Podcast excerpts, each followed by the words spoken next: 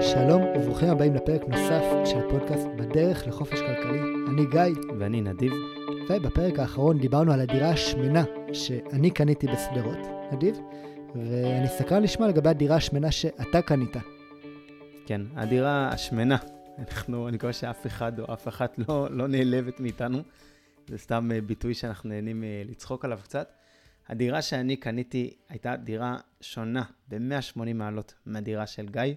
אני חושב שהיא גם מבטאת את ההבדלים האישיותיים שיש ביני ובין גיא. אני, גיא הציע לי להיכנס איתו בשותפות על הבית שהוא קנה בשדרות, ולמרות ששמחתי על גיא והיה ברור לי שזאת עסקה שהיא טובה, אני בחרתי להימנע ממנה, וגם הפוך, הדירה שאני קניתי בבת ים, גיא חשב ברצינות להיכנס איתי כשותף ולקנות אותה, והוא בסוף החליט uh, לצאת, ואנחנו גם נדבר על למה הוא החליט לצאת מהעסקה הזאת. ובואו באמת נדבר קצת את הרקע. בכלל, הסיבה שהגענו פעם ראשונה לבת, לבת ים, זה שגיא נחשף, לא זוכר אם זה דרך מודעה או דרך תיווך, לאיזושהי אה, אישה בשכונת עמידר. שכונת עמידר היא שכונה יחסית קשת יום, אה, מאוד מסורתית, בבת ים, ויש שם אה, בתים של שתי קומות. והיה פה בית עם חצר, בית יחסית גדול, קצת יותר מ-100 מטר, שהמחיר המבוקש שלה היה איפשהו בין מיליון שש למיליון שבע, וגיא אמר לי, נתיב, אני רוצה שתבוא לבחון איתי דירה, זה כבר היה הפעם שנייה שגיא הלך לראות את הדירה, והוא קצת היה בסוג של משא ומתן מתמשך עם בעלת הדירה, והגעתי איתו לראות את הדירה, ובסופו של דבר לא, לא התלהבתי, ובטח לא התלהבתי מהמחיר שבעלת הדירה רצתה, ואחרי שיטוט קטן בעמידר, מצאנו את עצמנו הולכים לים. הולכים ככה, מסתובבים בחוף הים של בת ים, וזו הייתה הפעם הראשונה שלי בבת ים. בחיים לא הייתי שם, זה לא, זה לא מקום שרוב האנשים מגיעים אליו. ואמרתי, וואו, יש פה חוף ממש יפה. ואנחנו מתחילים להסתכל ככה בקו הראשון, שני של, של הים. אנחנו רואים מלא פרויקטים של תמ"א 38, מלא פרויקטים של התחדשות עירונית, שיפוצים. אנחנו רואים, יש פה פוטנציאל מאוד מאוד גדול באזור הזה של בת ים. ואז התחלנו לנתח את העיר הזאת יותר לעומק. אמרנו, יש פה עיר, היא צמודה לתל אביב, באותו זמן גם דיברו על איחוד שלה עם תל אביב, זה משהו שבסופו של דבר לא קרה ולא צפוי לקרות. יש עבודה על רכבת קלה, באותו זמן ממש היה שיא העבודה על הנחת המסילות של הרכבת הקלה, הקו האדום, שעד היום היא עדיין לא פועלת, מתישהו היא גם תתחיל לפעול שנה הבאה, אבל זה היה משהו שכבר אפשר לראות אותו בעיניים, מבינים שרגע, בת ים לא הולכת להיות כל כך תקועה. היא כלואה בין ערים שמבחינה סוציו-אקונומית הן חזקות ממנה. תל אביב-יפו, שברור שיפו מן הסתם היא פחות חזקה. יש לנו את חולון ממזרח, ומצד דרום, אה, דרום-מזרח יש לנו את ראשון לציון. ראשון לציון מערב. כן, ראשון לציון מערב, שזה באמת השכונות הכי יקרות של ראשון, ו... וים מכיוון מערב. זאת אומרת שהעיר הזאת תחומה. מבחינה לה... גיאוגרפית היא עיר שאמורה להיות סופר סופר יקרה, והסיבה שהיא זולה, זה שהאוכלוסייה בה היא אוכלוסייה קשת יום, ואנחנו מבינים שהרכבת, שעכשיו הרכבת הקלה שבונים, ביחד עם ההתחדשות העירונית, ביחד עם עוד כל מיני דברים. חוף הים, שינוי ברשות המקומית מבחינת השחיתות, היה שם מהפך אה, שלם, יציאה מתקציב אה, גירעוני לתקציב חיובי. פרויקט האלף שבנו באזור של... שבונים באזור של ראשון לציון. המון המון דברים גרמו לנו להבין שהמחירים שם לקראת פיצוץ. ואגב, המחירים שם כבר היו במגמת עלייה. המחירים שם היו במגמת עלייה מאוד יפה כבר כמה, כמה שנים טובות, אולי שמונה, עשר שנים כבר המחירים שם כן היו במגמת עלייה. אנשים הבינו כבר את הפוטנציאל. הרחוב הראשי שעל הים, רחוב בן גוריון, שדרות בן גוריון, כבר לא היה כזה רחוב פשע, כבר התחילו לבנות בו פרויקטים יוקרתיים. וגיא ואני אומרים לעצמנו, יש פה הזדמנות מטורפת לתפוס עיר שהולכת להפוך להיות אחת הערים הכי יקרות בישראל. זה ברור לנו לחלוטין שמתישהו זאת אחת הערים הכי יקרות בישראל. היום מדובר בעיר שהיא יחסית פח, אני מצטער על הבוטות, אבל עיר באמת שעם שירותים לתושב שהם ברמה הכי נמוכה שיש, היא מקום עם הגירה שלילית, אנשים עוזבים את העיר, מי שרק יכול עוזב את העיר, אבל אנחנו באמת אמרנו בוא נסתכל כמה שנים קדימה, ואנחנו ראינו יהלום. עכשיו, אנחנו באמת לא היינו היחידים שראו את הדבר הזה, המון משקיעים ראו את היהלום. והכוכבים שיחקו לטובתנו שאנחנו עכשיו בתוך תקופת הקורונה. אני לא זוכר אם אנחנו עכשיו בסגר השני או השלישי. היה סגר אחד שאף פעם לא נגמר, שאיכשהו עברנו מסגר אחד לסגר השני, והיו כמה הקלות באמצע, אבל בסוף זה עדיין היה סגר. ואני אמרתי לעצמי, טוב, מבחינה חוקית מותר ללכת לעבוד, אם העבודה שלך היא חיונית. אני הייתי בחל"ת באותה תקופה, אז אין לי עבודה חיונית, אבל גם מותר, זה נחשב חיוני, אם אתה יוצא בשביל מעבר דירה. אז אמרתי לעצמי, טוב, אני יכול תמיד להגיד שהדירה שאני קונה היא דירה למגורים, ואני עכשיו הולך לחפש דירה, כי אני חייב מקום לגור בו, ולכן הסגר לא חל עליי. ו- וככה באמת, אה, באמת פעלתי, וזה היה ממש לטובתי, כי גם היה חוסר ודאות מאוד גדול לגבי מה הולך לקרות בעתיד, גם אנשים לא יכלו ללכת לקנות, לחפש נכסים, ומצאתי את עצמי בשוק, שהוא היה בשוק מאוד מאוד חם, אבל שכאילו קצת הקפיאו אותו, לא, לא נתנו לשוק הזה לפעול, לא יכלו להגיע קונים לראות דירות, אני מניח שהרבה מאוד אנשים לא ששו ללכת ולחפש ולקנות דירות אה, ולהגיע, לפגוש אנשים בזמן הקורונה, וזה נתן לי כל מיני הזדמנויות, וגם גיא שבאמת היה איתי, והתחלנו לחפש באזור של הקו השני, שלישי לים, בעיקר ברחוב הרצל. הרצל זה רחוב שבאמת אה, הולך אה, לאורך בת ים, באמת מצפון לדרום, קרוב לקו הים. מדובר ברחוב עם אוכלוסייה היום שהיא די חלשה, עם בניינים ישנים, אבל זה הרחוב שבו הרכבת הקלה אמורה לעבור, ומן הסתם בכל מקום שבונים רכבת קלה, הטבעות מאפשרות בנייה לגובה של רבי קומות, מתוך מחשבה שאנשים לא צריכים רכב פרטי, וכל הבניינים, באמת כמעט כל הבניינים שראינו שם, כל הדירות, היו אה, מיועדות לפינוי-בינוי. או תמ"א, אבל הרוב המוחלט היה מיועד לפינוי-בינוי, ואיזשהו קונספט שהוא קצת היה חדש לנו, של לחפש איזושהי השבחה שלא תלויה רק במחירים של העיר. הרי יש משהו מסוכן לקנות דירה במרכז הארץ, התשואה מאוד נמוכה, תשואת השכירות, ואז יש לנו רק צפי של עליית מחירים. ומי יודע, תהיה עליית מחירים, לא תהיה עליית מחירים, זה משהו שאף אחד לא אוהב להסתמך עליו.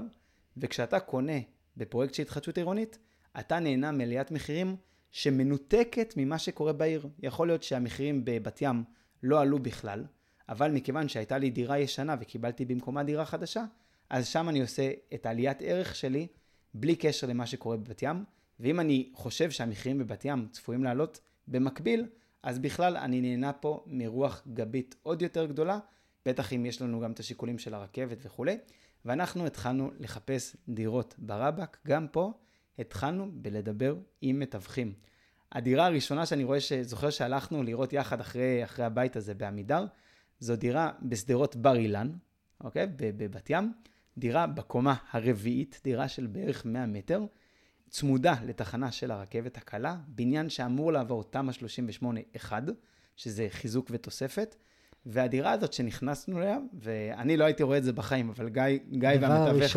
הדבר הראשון שאני רואה, אני ישר מדמיין, אני נכנס ואני ישר רואה למולי, היא הייתה דירה אחת, אני ישר רואה למולי ארבע יחידות דיור שונות של סטודנטים ממטבח אחד, תפורה בול, חלוקה, חלוקה סופר קלה.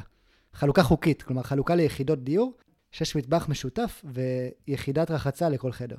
כן, ומה שהיה יפה בדבר הזה, שהכל היה חוקי, זה לא היה נחשב כפיצול דירה לא חוקי, כי באמת המטבח הוא משותף. ככה קצת הצלחנו להוריד כמה ציפורים במכה, גם בת ים, גם קרבה לרכבת הקלה, גם תשואת שכירות שהיא גבוהה במיוחד, ובאמת רק נשאר אחרי שאתה עושה כזאת פעולה, לשבת על, ה, על הידיים ולא לעשות שום דבר ולתת uh, לכסף להיכנס לחשבון הבנק. ובסופו של דבר, אני חושב שזו הייתה עסקה שיכלה להיות מאוד טובה, היא יכלה להיות עסקה גם עם תשואה מאוד גבוהה להון עצמי, כן היה פה שיפוץ שהיה גדול. אני חושב שהיה לנו איזשהו חשש מזה שמדובר בדירה בקומה הרביעית בלי מעלית, על הקושי להזכיר כמה באמת נוכל לקבל עבור כל יחידה, כמה באמת יש ביקוש של צעירים לגור בדירות שותפים כאלה. אגב, באותה תקופה אני גם פתחתי קבוצת פייסבוק של דירות שותפים בבת ים. היום בקבוצה הזאת יש יותר מ-500 איש.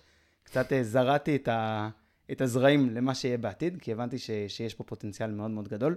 ובסוף החלטנו לא ללכת על העסקה הזאת, אבל היא פתחה לנו את התיאבון לשני דברים, להתחדשות עירונית וליכולת להשיג תשואה גבוהה במקביל באזור המרכז בצורה שהיא חוקית, והתחלנו לחפש דירות גדולות ושמנות בבת ים, והאזור שמצאנו את הדירות האלה היה בעיקר באזור של רחוב הרצל, בהרבה בניינים ישנים שמיועדים לפינוי-בינוי, הרבה מהבניינים האלה גם נחשבים כבניינים מסוכנים. זכורה לי במיוחד דירה שחשבנו לקנות, שהייתה דירה של משהו כמו 180, 180 מטר. 180 מטר דירה אחת, זו דירה שהיזם שבנה את הבניין בעצם איחד שתי דירות והפך אותן לדירה אחת, ואמרנו לה אפילו נעשה פרצלציה, נפריד את שתי הדירות ונרוויח פה מיליון שקל ככה בפעולה יזמית מהירה ופשוטה, ואני זוכר שדיברנו באמת עם אדריכל לגבי איך עושים את זה.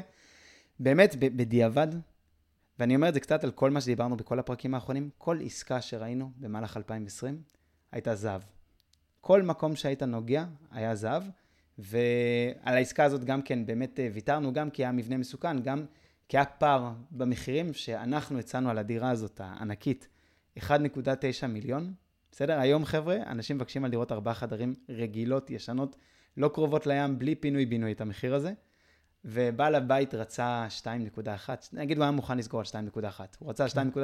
הייתה, ו... הייתה, שם, הייתה שם מורכבות אמיתית, היה שם בניין שהוא באמת, באמת, באמת מסוכן. לא רק, לא רק הטאג הזה של מבנה מסוכן, היה פה מבנה שהוא באמת מסוכן, מבנה עתיק מאוד, אני לא זוכר בין כמה, לדעתי קרוב ל-100 שנה, וגם היה פה איזשהו תהליך פינוי-בינוי שהוא היה תקוע. כלומר, הם התחילו תהליך והוא היה תקוע ולא היה ברור מה יהיה איתו. נכון, אני זוכר שמה שעשינו זה דפקנו על דלתות של השכנים בבניין הזה, ואיזושהי שכנה פתחה לנו את הדלת והסכימה לארח אותנו, הכניסה אותנו, וישבנו והסבירה לנו את ההיסטוריה של הבניין, שקשקו לנו הביצים כשהבנו עד כמה הבניין הזה במצב מורכב, ויצאנו מהעסקה הזאת. האם העסקה הזו בדיעבד הייתה משתלמת? כנראה שהיא עדיין הייתה משתלמת, אבל יש פה סיכון שהוא משמעותי, שכבר אז הבנו שאנחנו לא רוצים לקחת אותו על עצמנו.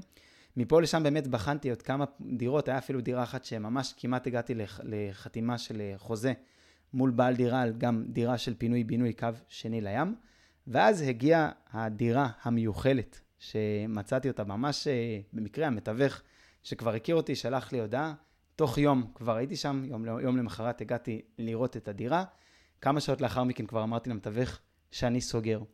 אז מה הייתה הדירה הזאת? מה, מה היה מיוחד בה? מדובר בדירה בבניין רכבת, דירה של אה, בערך 70 מטר גודל, בקומה השלישית, לא משהו מיוחד בכלל. דירה שדבר ראשון שאהבתי בה, זה שהדירה הייתה סימטרית לחלוטין. ממש לוקחים, לוקחים מלבן, חילקו אותו לשניים. היה אפשר לפצל את הדירה הזאת לשתי יחידות חוקיות, במחיר שהוא יחסית נמוך מאוד, לקבל תשואה שהיא מאוד מאוד גבוהה, כי הדירה הזאת, מבחינת המיקום, נמצאת ממש בין הקו הראשון לקו השני של הים. זאת אומרת, כשאתה יוצא מהבניין, אתה רואה את כל המים מהדלת. כאילו, אתה ממש על הים, ואתה במרחק של פחות מ-100 מטר מתחנת הרכבת הקלה, שאתה רואה אותה, מקימים אותה. אז אתה מבין שמבחינת מיקום, יש פה מיקום שקשה לנצח אותו בבת ים. והדובדבן שעל בקצפת זה שהבניין הזה היה מיועד לפינוי-בינוי, כבר עבר את האישור של הוועדה המחוזית, זאת אומרת שהיה לנו איזושהי ודאות תכנונית, שבאמת יהיה פה פינוי-בינוי. לדיירים בחוזה הובטח תוספת של 25 מטרים והעלאה אה, משמעותית בקומות, שהם יקבלו דירה בקומה שהיא הרבה יותר גבוהה. וזו הייתה עסקה שלא הייתה פשוטה, כי ידעתי שהדירה המסכנה שאני קונה שווה הרבה פחות כסף, אה, לפחות as is, מאשר מה שבעל הדירה ביקש. בעל דירה בהתחלה התחיל במיליון שמונה מאות חמישים, אחר כך ירד קצת לאזור המיליון שמונה מאות, ו... ואני ידעתי שאין סיכוי שזה השווי של הדירה, איכשהו שכנעתי את עצמי שאולי הדירה הזאת שווה מיליון חמש. קצת הייתי אופטימי, והבאתי גם שמאות מקדימה לדירה הזאת, והשמאית, אחרי שהמתווך התווכח איתה ורב איתה ולחץ, השמאית הסכימה לכתוב על השווי של הדירה מיליון ארבע. מיליון ארבע אחרי שהיא מתחה את השווי כלפי מעלה. אחרי שהיא מתחה את השווי כלפי מעלה, כן, והדירה הייתה במבנה שבזמן הרכישה שלו היה מבנה שהוגדר כמסוכן, אבל כבר אז היזם שעושה את הפינוי-בינוי כבר היה בתהליכים פיזיים של חיזוק המבנה, אז ידעתי שהעניין הזה שהמבנה המסוכן מצד אחד הוא לא סכנה גדולה בטווח הארוך, אבל כן הוא מקשה עליי מבחינה מימונית. ופה, גיא, אתה באמת יצאת מהעסקה כשאתה הבנת את העניין הזה. נכון, אנחנו בחנו את העסקה הזאת ביחד. אתה הובלת פה את הבחינה של העסקה, אתה זה שדיברת עם היזם, ובאמת הכרת את הסיפור של הפרויקט. אני באופי שלי, אני משקיע שהוא יותר, אה, נקרא לזה מתמטי, יותר רוצה לראות את התשואה היום. אתה יותר מבין פה את התמונה הכוללת. והיה ברור לנו שזאת עסקה טובה, אבל בגלל המבנה המסוכן, אני הבנתי שהמשכנתה שנוכל לקבל על הדירה הזו, היא לא תהיה גבוהה באחוזים, ידענו שאפשר לקבל במקסימום 50-55 אחוזי מימון במשכנתה, ואני הבנתי שגם אם יש פה עסקה שהיא עסקה פנטסטית בפני עצמה, התשואה על ההון העצמי שלי לא תהיה פנומנלית, אם אין לי אפשרות לבוא ולהביא מימון שהוא מימון משמעותי, ולך היה פתרון למקרה הזה. כן, אז הפתרון שלי היה קצת שונה מהפתרון שלך, כי להורים שלך, כזכור, הייתה דירה בתל אביב שהם לא גרו בה, שהם השתמשו בה כהשקעה לשכירות בכל מקרה. להורים שלי הייתה דירה בירושלים, שעדיין יש להם אותה, שזאת הדירה המשפחתית שבה הם גרים, והם כרגע לא מתכוונים למכור אותה, או בטח בזמנו הם לא התכוונו למכור אותה. והבנתי שאם אני רוצה להשלים את המימון, כי באמת הבנתי שאני לא רוצה להכניס פה כל כך הרבה הון עצמי, אני יכול לקחת משכנתה שנקראת משכנתת נדוניה, שבה ההורים מקבלים בריביות שהן כמעט ריביות משכנתה רגילות, הלוואה כנגד הנכס שלהם, וככה בעצם השלמתי את ההון העצמי בשביל לרכוש את אותה דירה. בסופו של דבר קניתי את הדירה בבת ים ב-90% מימון. בסדר? לקחתי 90%, 50 ועוד 40, 90% מימון של העסקה, שמתי 10% של הון עצמי. התזרים מן הסתם הוא תזרים שלילי חזק, אבל הרווח על העסקה הזאת הוא מאוד גבוה. עכשיו, היה מדובר בעסקה מאוד מאוד מסובכת, כי לא רק שיש לי משא ומתן מול מוכר של דירה, אני גם קונה דירה שהמוכר כבר חתם שהדירה הזאת תעבור פינוי-בינוי. אז אני עכשיו חתום, כשאני קונה את הדירה, אני חייב לחתום על חוזה של פינוי-בינוי, אז אני צריך גם לנתח את החוזה הזה של הפינוי-בינוי. בדרך כלל, אני אלך פה איזה צעד אחורה, למה בעלי דירה לא רוצים למכור נכסים כאלה? כי מי ימכור נכס דקה לפני השבחה שהיא מאוד מאוד מסיבית? הרי זה לא, זה לא דבר שהוא סתם כך חכם. בעל הדירה היה נמצא באותה תקופה בסיטואציה מיסויית מאוד מאוד נדירה, שעל פי החוקים שקיימים גם היום, למרות שזה כנראה הולך להשתנות בקרוב. זה השתנה, האמת שלמדתי שזה השתנה ממש לאחרונה. אז זה כבר השתנה? אני הבנתי שזה עומד להשתנות, אתה אומר שזה כבר השתנה. באותה תקופה, אם היו לך יותר מנכס אחד במתחם של פינוי-בינוי, אז הפטורים ממס שחלים על, עסקת של פינוי, על עסקת פינוי-הבינוי, חלים רק פעם אחת. ועל הדירה השנייה, יהיה לך לשלם מס שבח, מס רכישה ומע"מ על שירותי הבנייה. חבר'ה, מדובר פה במיסים של מאות אלפי שקלים שרובצים על אחת הדירות של בעל הבית, ולכן הוא רוצה למכור את אחת מהן. וכשאני בא לקנות, אני פתאום מגלה שיש שאלה על איזו דירה המס הזה רובץ, והאם אני יכול, כשאני קונה את הדירה, גם לקנות את חבות המס של בעל הדירה הקודם, ואני כבר במשא ומתן מתקדם עם בעל הדירה, המתווך לוחץ עליי כל שנייה להביא את זה לסגירה, אני מתחיל להתייעץ עם יועצי מס בכל הארץ. אני משלם פה המון המון כסף לדבר עם יועצי מס, מומחי המס הכי גדולים במדינת ישראל, בשביל להבין מה אני עושה בסיטואציה הזאת. אני אומר לכם, הלכתי לאנשים הכי הכי גדולים, ובסופו של דבר אף אחד לא נתן לי תשובה חד משמעית על מה, מה יקרה ואיך רשויות המס יראו את זה.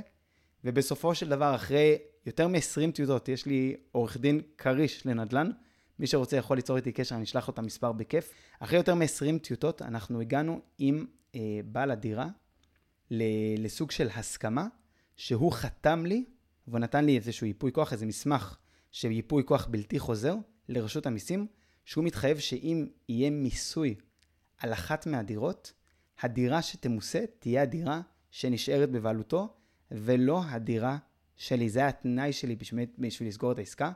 הייתה הרבה התלבטויות, היה שלב שבעל הדירה הסכים להוריד מהמחיר, המחיר שאנחנו סגרנו הרשמי היה מיליון שבע מאות ועשרים, הוא הסכים להוריד לי עוד 70 אלף שקל מהמחיר, בעצם להוריד את המחיר למיליון 650, חבר'ה זה מחיר מפגר, זה מחיר מפגר על העסקה הזאת. אם החוזה שלנו יהיה חוזה עלום, שלא כתוב בו כלום על העניין הזה, וקצת ניתן לזה להתגלגל, והעורך דין שלי אמר לי, תשמע, אתה יכול לקחת את ההנחה הזאת של ה-70 אלף שקל, אבל יש פה איזושהי הסכמה שבשתיקה, הורידו לכם את המחיר, רואים שהיה בטיוטות שהמחיר ירד, וברור שהמחיר ירד כי אתה הסכמת לקחת איזשהו סיכון, ויבואו, אם באמת המס הזה יבוא אליך, יטענו שאתה ידעת שיש לך את הסיכון של המס, והיית מוכן לקבל אותו. הוא אמר לי, אתה מוכן פה לקבל סיכון של מאות אלפי שקלים של מס, בשביל לחסוך לעצמך 70 אלף שקל. והיה לי מאוד מאוד קשה, כי כל אחד רוצה לקנות דירה מתחת למחיר שוק, ידעתי שנעלתי את הדירה הזאת מתחת למחיר שוק, הוא כבר הסכים למחיר הזה, כבר היו טיוטות, העורכי דין שלו כעסו עליו שהוא נתן את ההצעה הזאת, והתקפלתי. והתקפלתי ואמרתי לו, אנחנו חוזרים למחיר המקורי, אני מעלה ב-70 אלף שקל את ההצעה שלי, אני חוזר להצעה המקורית שלי, וכתוב בחוזה, ככה וככה וככה בדיוק, כך שאני יודע שאני לפחות, כן, יש, יש, החוזה הכי שחור על גבי לבן, מי לוקח את חבות המס, אם זאת תהיה, ובסופו של דבר, אחרי הרבה מאוד סטרס, חתמנו על חוזה. אני זוכר שביום של חתימת חוזה, שקשקו לה ביצים.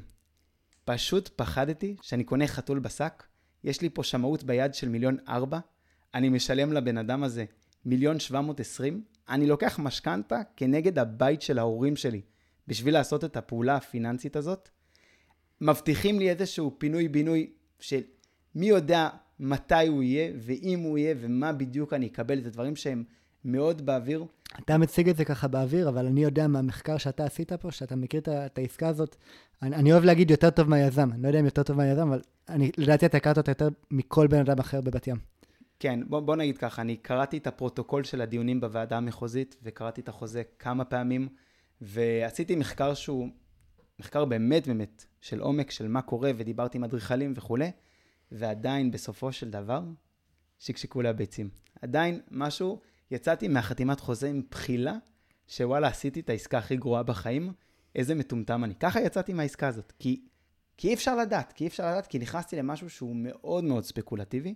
אה, בדיעבד, אחר כך שהסתכלתי על זה באמת בפרספקטיבה יותר רגועה, הבנתי, רגע, כמה, כמה שווה דירה כזאת, שאני הולך לקבל דירה של בערך 90 עד 100 מטר בבת ים, בקו השני של הים, והסתכלתי על דירות קיימות, והגעתי למסקנה שבערך בין 2-4 זה המינימום, זה המחיר הכי נמוך שיש לדירות כאלה בזמנו, היום המחיר הוא 3.5 מיליון שקלים, ואמרתי, טוב, אם אני עכשיו רוצה להבין את זה בצורה מסוימת, אם אני רוצה עכשיו, באמת מה שדיברנו בפרק על שווי הזמן של הכסף, אם אני עכשיו רוצה להבין את זה ב-10% בשנה, לאיזה שווי אני מגיע, ואני מסתכל גם שיש פה גם שכירות שנכנסת, ו, ובסופו של דבר הבנתי שבאמת מדובר במחיר שהוא עדיין מתחת למחיר שוק המקסימלי, שבאמת הדירה הזאת שווה לפי התשואה שאני רציתי.